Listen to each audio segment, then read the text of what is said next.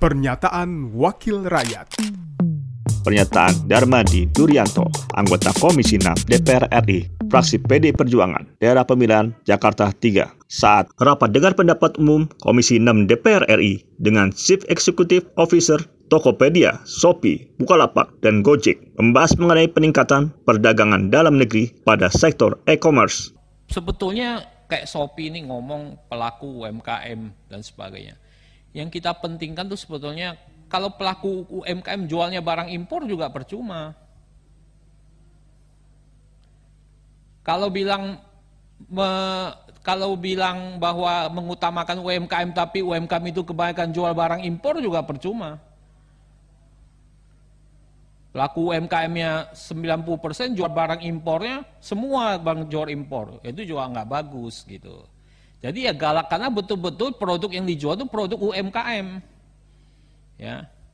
Banyak kan masih produk yang UMKM memang UMKM dia kecil, usaha kecil.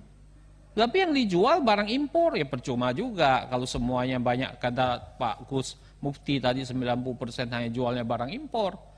Ya.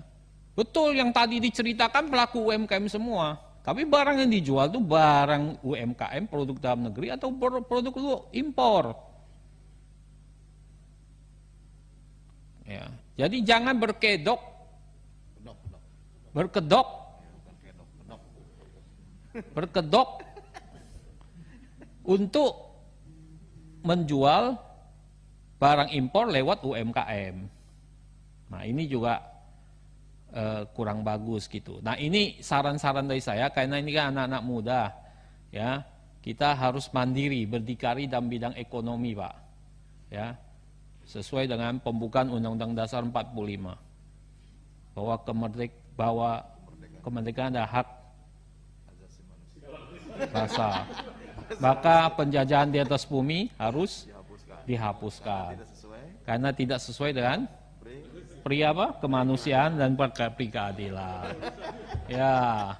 Jadi penjajahan harus dihapuskan. Penjajahan terhadap pengusaha ekonomi lemah dan produk-produk dalam negeri harus dilindungi.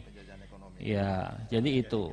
Pernyataan Darmadi Durianto, anggota Komisi 6 DPR RI, fraksi PD Perjuangan, daerah pemilihan Jakarta 3, produksi TV dan radio parlemen, Biro Pemerintahan Parlemen, Sekjen DPR RI. Pernyataan Wakil Rakyat.